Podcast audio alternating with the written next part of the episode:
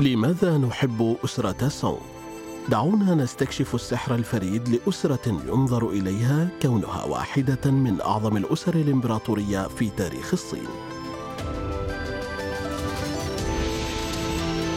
الحلقة الرابعة جولة مركزة في لفيفة طومار على طول النهر خلال مهرجان تشينمين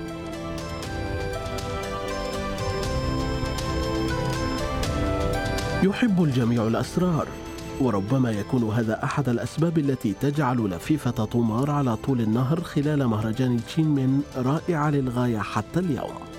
يشتهر الرسامون في جميع أنحاء العالم باستخدام الرموز في أعمالهم وكذلك الرسائل والتعليقات الاجتماعية والأسرار وحتى الإهانات. هذه التحفة الفنية للثقافة الصينية لا تختلف عنها في هذا الجانب. في هذه السلسلة الصوتية سنكشف الدلائل التي تشير إلى أن هناك شيئا ما يحدث أكثر من مجرد فهرسة الأنشطة المعاصرة لأفراد أسرة سونغ. معكم أحمد شلش في هذه السلسلة الصوتية لماذا نحب أسرة سونغ التي تسلط الضوء على أحد أبرز المعالم في تاريخ الصين العريق.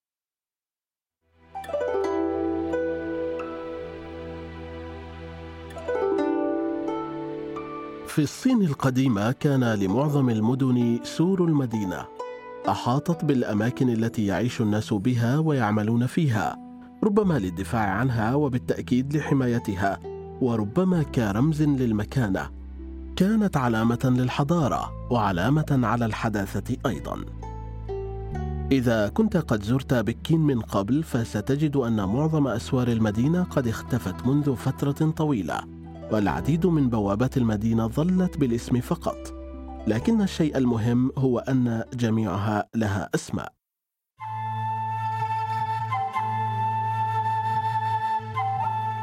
تحتوي اللفيفة الرائعة على طول النهر خلال مهرجان تشينمين أيضا على بوابة ولأن المشهد في اللفيفة يفترض أنه كيفا عاصمة أسرة سونغ يعتقد الناس أنها بوابة دونغ شوي حيث تدفق نهر بيان إلى المدينة.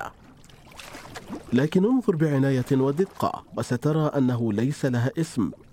أو بالأحرى هناك بعض النقاط المثيرة للإعجاب ثم كلمة men بلغة الماندرين والتي تعني البوابة. يبدو أن فناننا تشونز دوان قد اختار عمدا عدم تحديد موقعه. هل كان يرسم صورة خيالية؟ هل كان يشعر بالقلق من أن بعض الناس قد يستاءون من رؤية أنفسهم مصورين في اللفيفة؟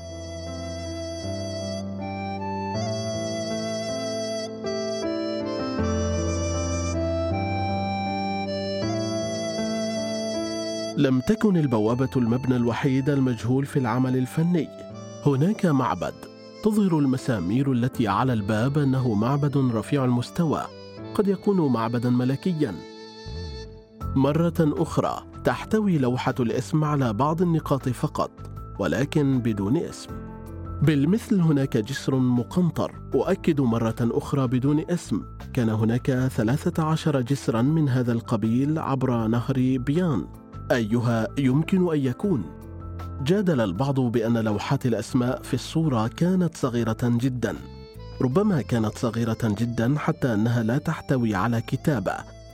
ولكن في أماكن أخرى من اللوحة هناك ملاحظات أصغر متشابهة لكن الكتابة واضحة تماما. كانت هذه هي مهارة الفنان. كان جونز دوان يحاول تجنب الوقوع في المشاكل يعطي اسما للمكان فيتوقع الناس أن يكون دقيقا في كل التفاصيل. لا لفيفة الطومار هذه عبارة عن مركب خيالي.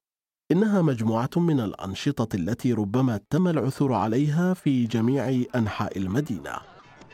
بينما قد نتعرف على أشياء كثيرة في العمل الفني مألوفة في حياتنا اليومية، نحتاج إلى توخي الحذر الشديد لترك افتراضاتنا جانبا، خاصة إذا أتينا من أماكن بعيدة. في بداية لفيفة الطمار مباشرة. على سبيل المثال هناك مجموعة من الأشخاص يعودون من نزهة إلى الريف. لقد اصطادوا اثنين من الدراجين البرية.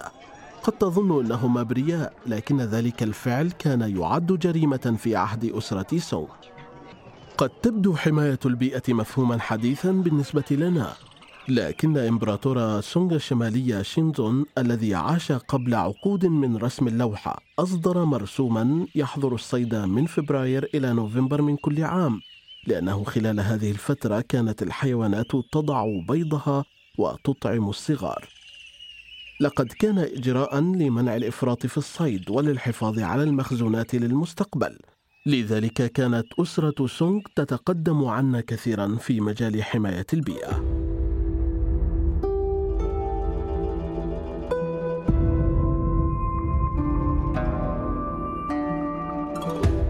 لذلك تجد لدينا سرية الهوية ومغامرة إجرامية. هذه اللفيفة المرسومة عبارة عن قصة مثيرة.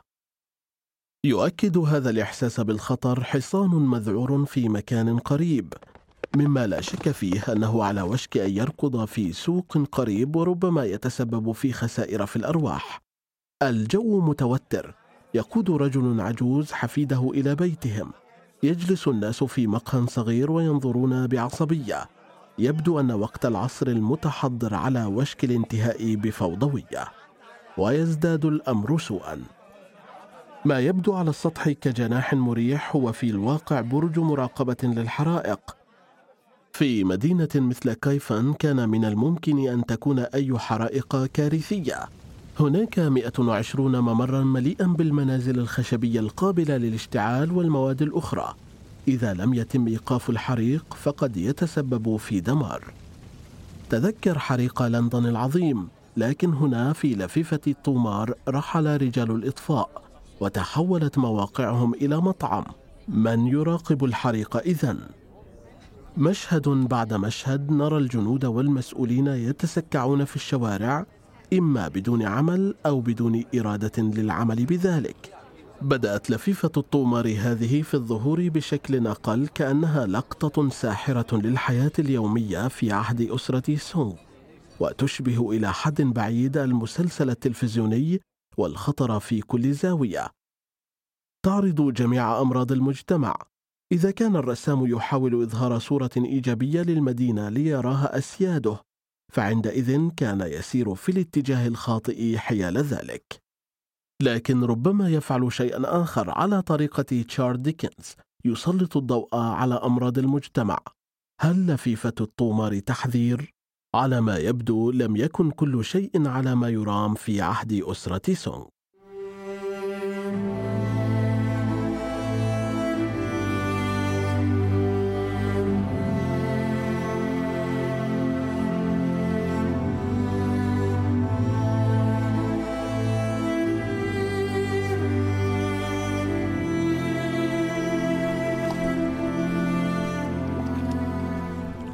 علاوة على ذلك على طول اللفيفة يمكننا أن نرى بعض سفن الحبوب الكبيرة الراسية على طول النهر.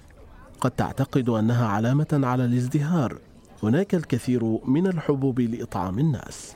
لكن هذه الحبوب موجودة في سفن خاصة.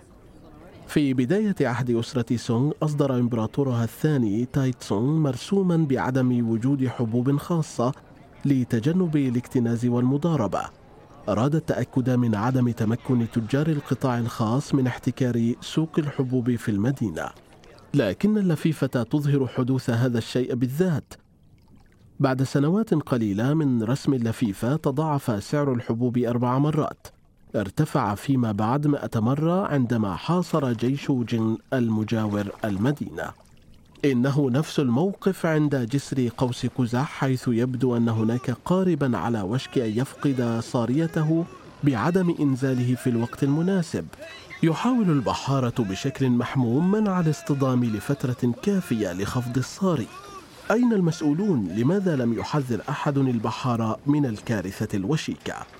لا يتحسن الوضع في هذه المدينة المحفوفة بالمخاطر كلما تقدمنا هناك بوابة مدينة غير خاضعة للحراسة حيث تمر جمال التجار الأجانب عبرها دون تفتيش فيتم تجاهل مسؤولي الضرائب أو التشاجر معهم. تلك البراميل التي يجب أن تحتوي على ماء لمكافحة الحرائق تحتوي الآن على الكحول الخمر للجنود الذين أظهروا لمرة واحدة الاجتهاد في واجباتهم بحراستها. مما يوضح أن الاحتفالات الخاصة لها أولوية على حماية الناس. ما الذي حدث لأسرة سونغ؟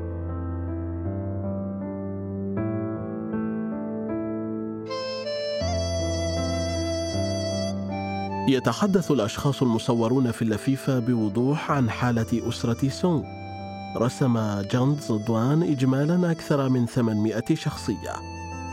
بخلاف الحرف والمهن المعتادة ظهرت مهن جديدة.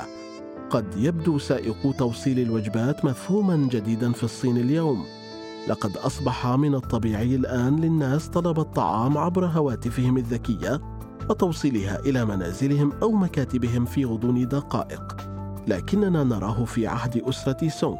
ينشغل التجار ورجال الأعمال جدا عن أخذ استراحة الغداء. فتجدهم يطلبون الطلبات الخارجية.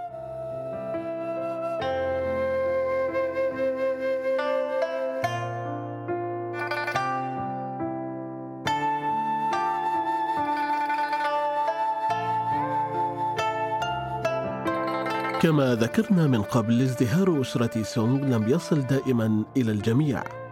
في مشهد آخر بينما يتغذى التجار والمسؤولون الأثرياء على الأطعمة اللذيذة لا يستطيع المتسول العاطل عن العمل حتى العثور على عملة معدنية لشراء كوب من الشاي.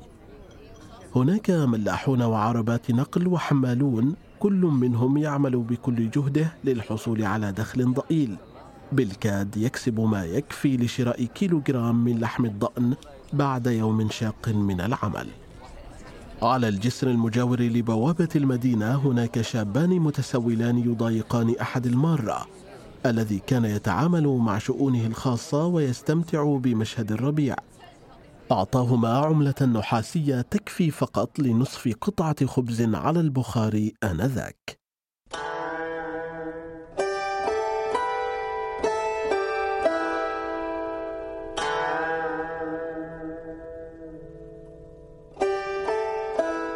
في نهاية لفيفة الطومار شاهدنا ثلاثة مشاهد غريبة. عيادة تقدم علاجا لإدمان الكحول وأمراض المعدة وعرافا ومواطنا مرتبكا يسأل حارسا عن الاتجاهات. هناك بعض الإضافات النهائية العشوائية أو رسالة من فنان.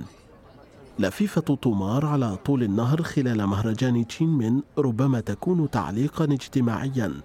إنها نداء من القلب من فنان متواضع إلى السلطات لاتحادها معا قبل فوات الأوان.